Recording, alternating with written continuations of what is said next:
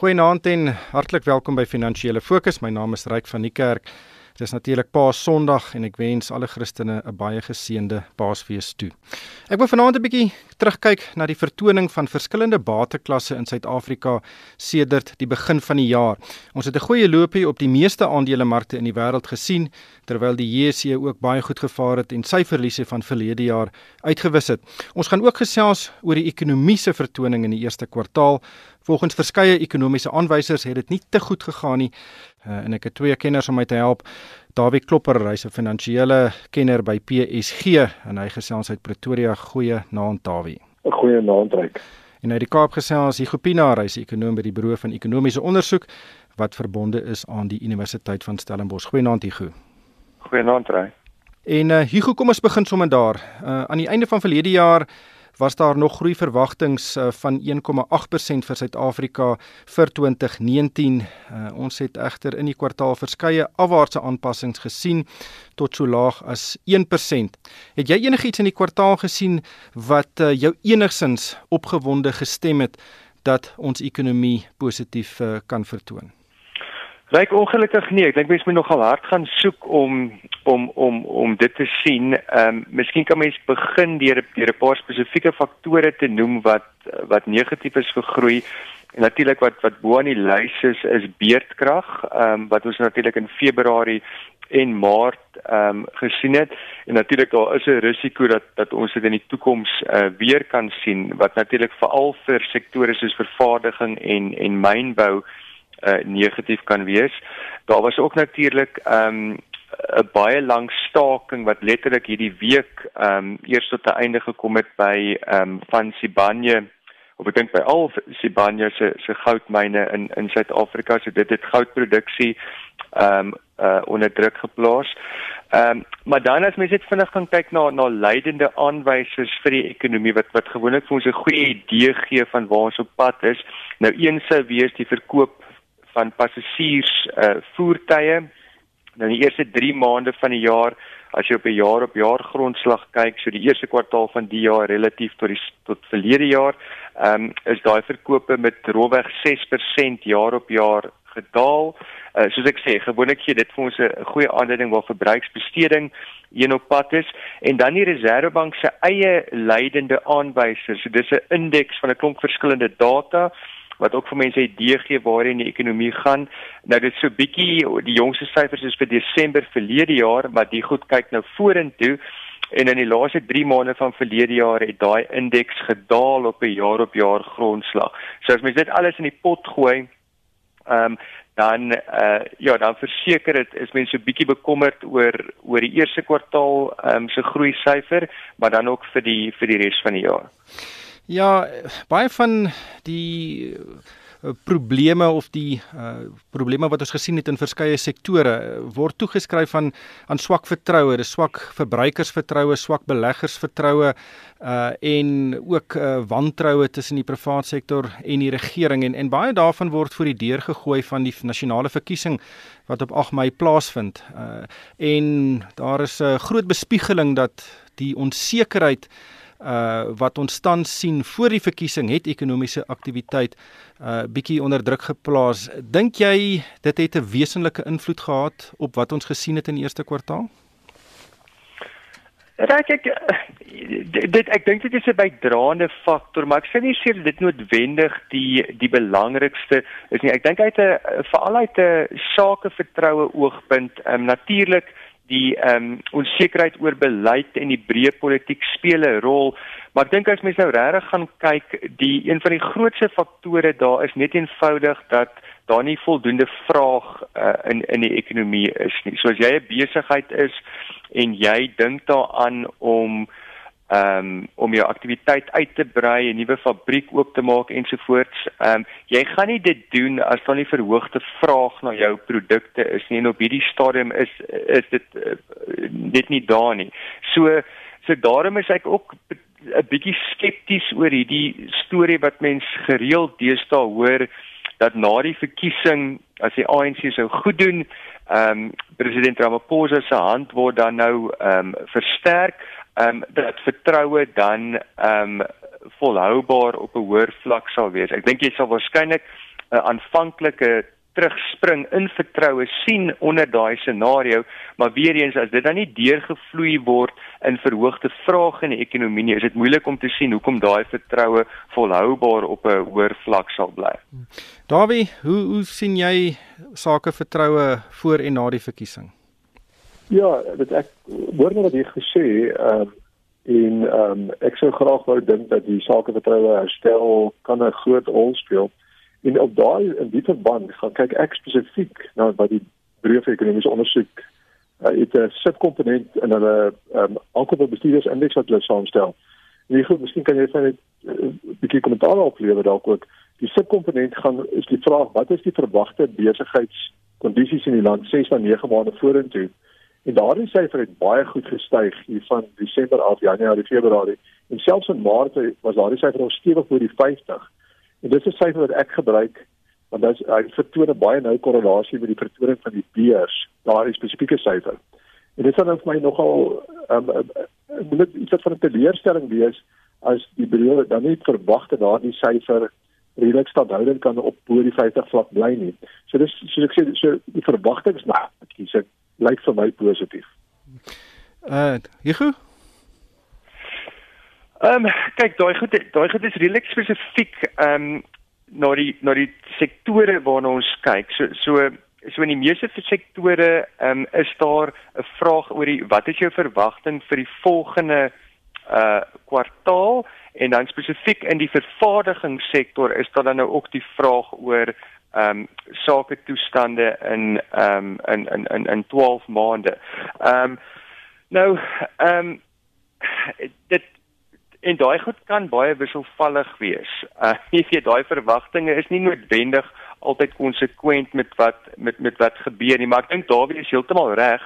Daar is 'n verwagting dat dinge sou ehm um, uh sou beter gaan. Ehm um, maar jy weet die daar's 'n klomp faktore hier. Wat gebeur met die wêreldekonomie? Wat gebeur na die verkiesing in terme van beleid? Ek dink tot 'n groot mate ehm um, daai verwagtinge loop saam met die idee dat na die verkiesing gaan daar meer beleidsekerheid wees. Meneer Ramaphosa se hand gaan gesterk wees of versterk wees. Ehm um, en dat ons dan nou meer groei positiewe uh beleid kan kan sien. Maar natuurlik as dit nie sou gebeur nie, ehm um, jy weet en daai verwagtinge ehm um, uh word dan nou ehm um, uh, nie aan voldoen nie, jy weet, dan gaan daai vertroue natuurlik weer ehm um, weer terugspring. So ek dink die punt op te maak maar net is daar is ehm um, uh in in Engels there's a lot at stake vir ehm um, vir na die verkiesing vir, vir wat wat die beleidsmakers ehm um, gaan doen. Hmm. Maar jy gaan net eh, ehm um, Davie Ja, ek wou sê net na, na die verkiesing dink ek gaan die president baie vinnig, baie sterk moet optree om dan nou hierdie vertroue te amper as te ware met in te bed. En dit hy gaan die kabinet met dringend verklein. Hy gaan met Eskom vinnig uitsorteer en daar gaan met rondom die vervolgingsgesag sal daar goed moet gebeur dat mense gaan die vertroue gee dat hier wel verandering aan die kom is en dat dit ehm um, beter beter gaan wees vir ons almal in die toekoms daarna.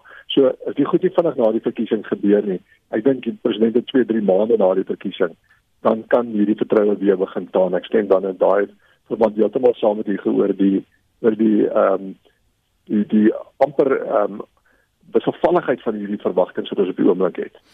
Ja, ek gaan net laastens uh, oor die ekonomie uh ons die eerste kwartaal vir Suid-Afrika is gewoonlik nie 'n goeie kwartaal nie. Uh ons het verlede jaar gesien hoe ons in die eerste en in die tweede kwartaale negatiewe groei gesien het. Ons was in 'n tegniese resessie.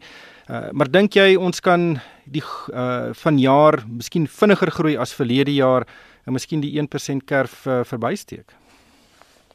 Wel, reg, ek weet die die ehm um, Netwerk 24 het hierdie week met hulle konsensus of hulle jongste konsensus um, vir uitskatting uitgekom. So dis 38 um, ekonome wat daaraan deelneem. Um, ek dink Dawie is ook deel van daai paneel. Ek is self deel van van daai paneel en daai konsensus die jongste is 1.1% uh, vir die jaar. Um, en dit het nou afgekom die die laaste uh, uh, paar maande. So ek meen ek dink dit gee vir mense 'n idee, jy weet, as 38, nou is nie noodwendig te sê die konsensus is altyd reg nie, maar so 38 van die van die land se voorste ontleeders uh verwag basies 1% groei ehm um, hierdie jaar en ek moet sê dit dit is basies waar ons ook op hierdie stadium is ehm um, weer eens dit is nogal moeilik waar ons vandag sit om om 'n storie te vertel dat groei veel meer as 1% sal sal doen hierdie jaar. Ja, ek dink is ook uh, tekenend dat ons uh, praat oor desimale en of dit nou 1 of 1.1 is terwyl ons regtig groei van meer as 3% nodig het indien ons die strukturele probleme in Suid-Afrika wil aanspreek. Maar daarby kom ons kyk bietjie na beleggingsmarkte, uh, na veral die Johannesbeurs veral die Johannesburgse aandelebeurs en uh, die beurs het 'n goeie kwartaal gehad. Inteendeel, dit was sy beste kwartaal in in 12 jaar, beste eerste kwartaal en die indeks vir alle aandele het met meer as 7% gestyg. En in sedert April het die beurs verder gestyg en ek dink al die verliese van verlede jaar uitgewis. Wat is jou indrukke van die prestasie van die JSE in die eerste kwartaal? Ja, dit was goed. Dit was 'n slag ehm um, goed uit natuurlik ook 'n navolging van wêreldmarkte gestyg. So wêreldmarkte het selfs beter gevaar as dit. Ehm um, die eerste kwartaal was oral oor 'n goeie eerste kwartaal gewees. So ehm um, die mark het dan ook ehm um, prys vir daai prys dan die die die monetêre beleid in die wêreld wat verander het lyk dit vir my. Die Amerikaners wat dan nou besluit het om nie meer rentekoerse te verhoog op hierdie stadium nie, hierdie markte ondersteun. Die mark het almal daarvan gehou die laaste kwartaal was 'n swak ehm um, kwartaal veral vir Amerikaanse aandele en van dat daardie beleidsverandering as te ware begin uh, deurkom het die markte baie goed gereageer en soos ek gesê het ons het dit begin volg. En dit was veral in ons mark ons platinum aandele wat besonder goed gevaar het. Skielik daar 'n spesifieke rede daarvoor. Palladium was baie sterk. Ewe skielik gewees en die platinum aandele van 'n baie lae basis af baie goed gevaar. Ons mynbeeste in die algemeen het 'n baie goeie eerste kwartaal gehad. Maar as ons die JSE se prestasie vergelyk met wêreldmarkte het ons steeds onderpresteer en, en dis nou al 'n tema wat ons vir 'n geruime tyd sien. Dit dis ongelukkig reg ryk dat dit dit is waar wat jy sê en ek dink ehm um, dit is dan ook maar 'n refleksie van hoe moeilik dit met ons ekonomie gaan. Ehm um, dit is 'n refleksie van die ehm um, weerkrag wat ons gehad het. Dit is 'n refleksie van die onsekerheid rondom ons politiek dat ons ehm um, tog goedkoop uh, goedkoop mark het wil verbeter maar terughou word met onsekerhede. Daar was die onsekerheid oor die kredietafgradering gewees wat 'n impak gehad het op 'n stadium. So 'n klomp goed wat tog ons weerhou om behoorlik positief te begin reageer. Maar as ons nou gepraat het oor die oor die ekonomie en ons sukkel om te sien waar winsgroei vandaan kom, dan moet mens dit ook verstaan dat ons het winsgroei nodig om die mark behoorlik en sterk vorentoe te dryf. Maar um, ons kom van 'n relatief goedkoop basis af. Naspers met my sien dit baie goed gedoen in die eerste kwartaal nadat hy ook die vorige jaar gesukkel het. Ehm um, en Naspers natuurlik 'n groot komponent van ons indeks en ehm um, het natuurlik ook ons mark skerp opgehelp trek. Ons mark is nie net Suid-Afrika nie, ons mark is ook baie internasionale deelnemers wat hier is of ons doen besigheid in die res van die wêreld. Daardie maatskappye is hier geroteer. So dis ook dan nie net 'n Suid-Afrika storie nie. Daarom kom ons ook markte wêreldwyd volg. Kom ons kyk na ander bateklasse. Hoe het eiendom presteer? Kom ons begin by genoteerde eiendom. Ja, genoteerde eiendom het, het oor die kwartaal maar 1,1% opbrengs gegee op 'n stadium net vroeg in Februarie maand was daai indeks vir die eerste maand in 'n paar dae 8,6% hoër maar soos wat die kwartaal voortbeweeg het, het die pryse weer teruggesak en hierdie uh, eiendomsindeks van ons is nou so 9,5% swakker as 'n jaar gelede en amper uh, 28% laer as 15 maande gele uh, gelede. Vier weet ons in die eiendomssektor is daar 'n klompie onsekerhede gewees oor oor maatskappy spesifieke sake. Ehm uh, die manier hoe rekeningkunde daar um, gebruik was om syfers um, aan te bied. Alles het 'n rol gespeel plus die goed wat ons nou al genoem het is op wat um, die staatskap en die goed wat uit Zondo uitkom die swak ekonomie om die eiendomssektor onder wesenlike druk te hou. En amper dieselfde storie in residensiële eiendom, uh, ons sien steeds negatiewe reële opbrengste en dit uh, wys natuurlik in die sektor bly onder geweldige druk. Ja, en maar daarbey ook nog ook nog 'n rol speel is hier is ongelukkig gebeur 'n groot slag van immigrasie uit die land uit.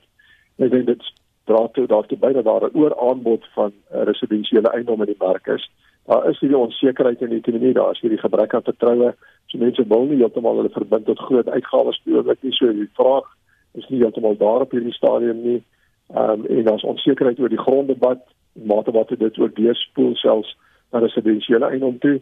En dit alles dra daartoe by dat um, op hierdie oomblik daar maar slegte ervarings in die openbare sektor is. En dan kontant, dit was verlede jaar uh, die beste sektor vir opbrengste. Uh, die JSE het nou goed gevaar in die eerste kwartaal, maar kontant bied nog steeds 'n uh, ehm um, reële groeikoers of uh, positiewe reële groeikoerse. Dit dit dit is so, dis eintlik baie aantreklike koerse wat mens skryf kontant nog steeds. As jy 'n belasting aftrek, is dit natuurlik nou minder belasting, uh, minder aantreklik. Maar feit van die saak is jy kan nog by sekere banke hier by die 8-9% rondkry.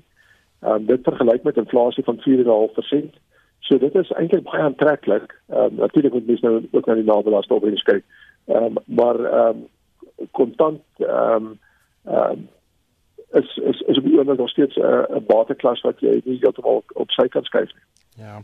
En die risiko is natuurlik heelwat laer in hierdie onsekere tye. Hier net laastens, die rand het uh, relatief uh uh goed gevaar en goed in aanhalingstekens. Hy was natuurlik baie wisselvallig. Ons het die jaar begin op R14.47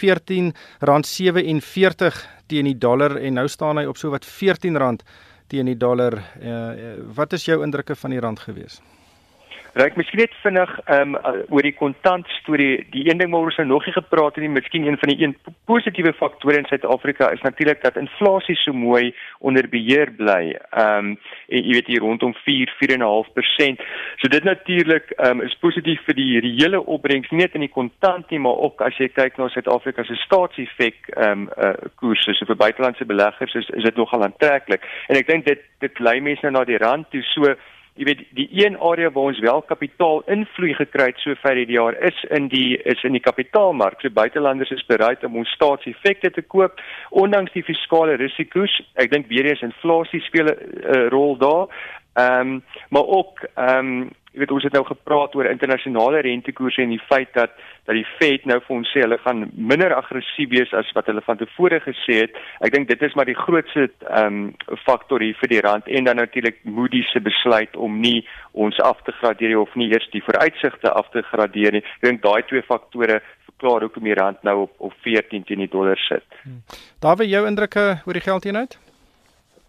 Ek ek stem saam met u goed. Ehm um, dit is natuurlik so dat ons rand ook steeds baie swak is. As jy daar ek was onlangs in die buiteland gewees en dan besef jy dit maar net des te meer hoe swak is die rand. So hy kom van 'n baie swak basis af en mens moet ook onthou hy was verlede jaar Maart verlede jaar as jy rand nog hier by 12.15 of teen die dollar gewees. So hy het wesentlik verswak deur verlede jaar en hy wen so 'n bietjie van daai swakheid weer op die oomblik terug. So ek dink tog steeds afhangende van hoe die petisie nou loop en presies wat daar daar gebeur, van die goed wat ons gesê het, eh, kan dit nog rand ondersteunend wees as daar 'n paar positiewe goed kort na die verkiesing kan gebeur. Ongelukkig hierdie tyd ons ingehaal. Baie dankie aan Dawie Klopper. Hy's 'n finansiële raadgewer by PSG in Pretoria en ook Hugo Pinaar, hy's 'n uh, ekonom by die Buro van Ekonomiese Onderzoek wat verbonde is aan die Universiteit van Stellenbosch. En daarmee moet ons groet van myself Ryk van die Kerk. Dankie vir die saamluister.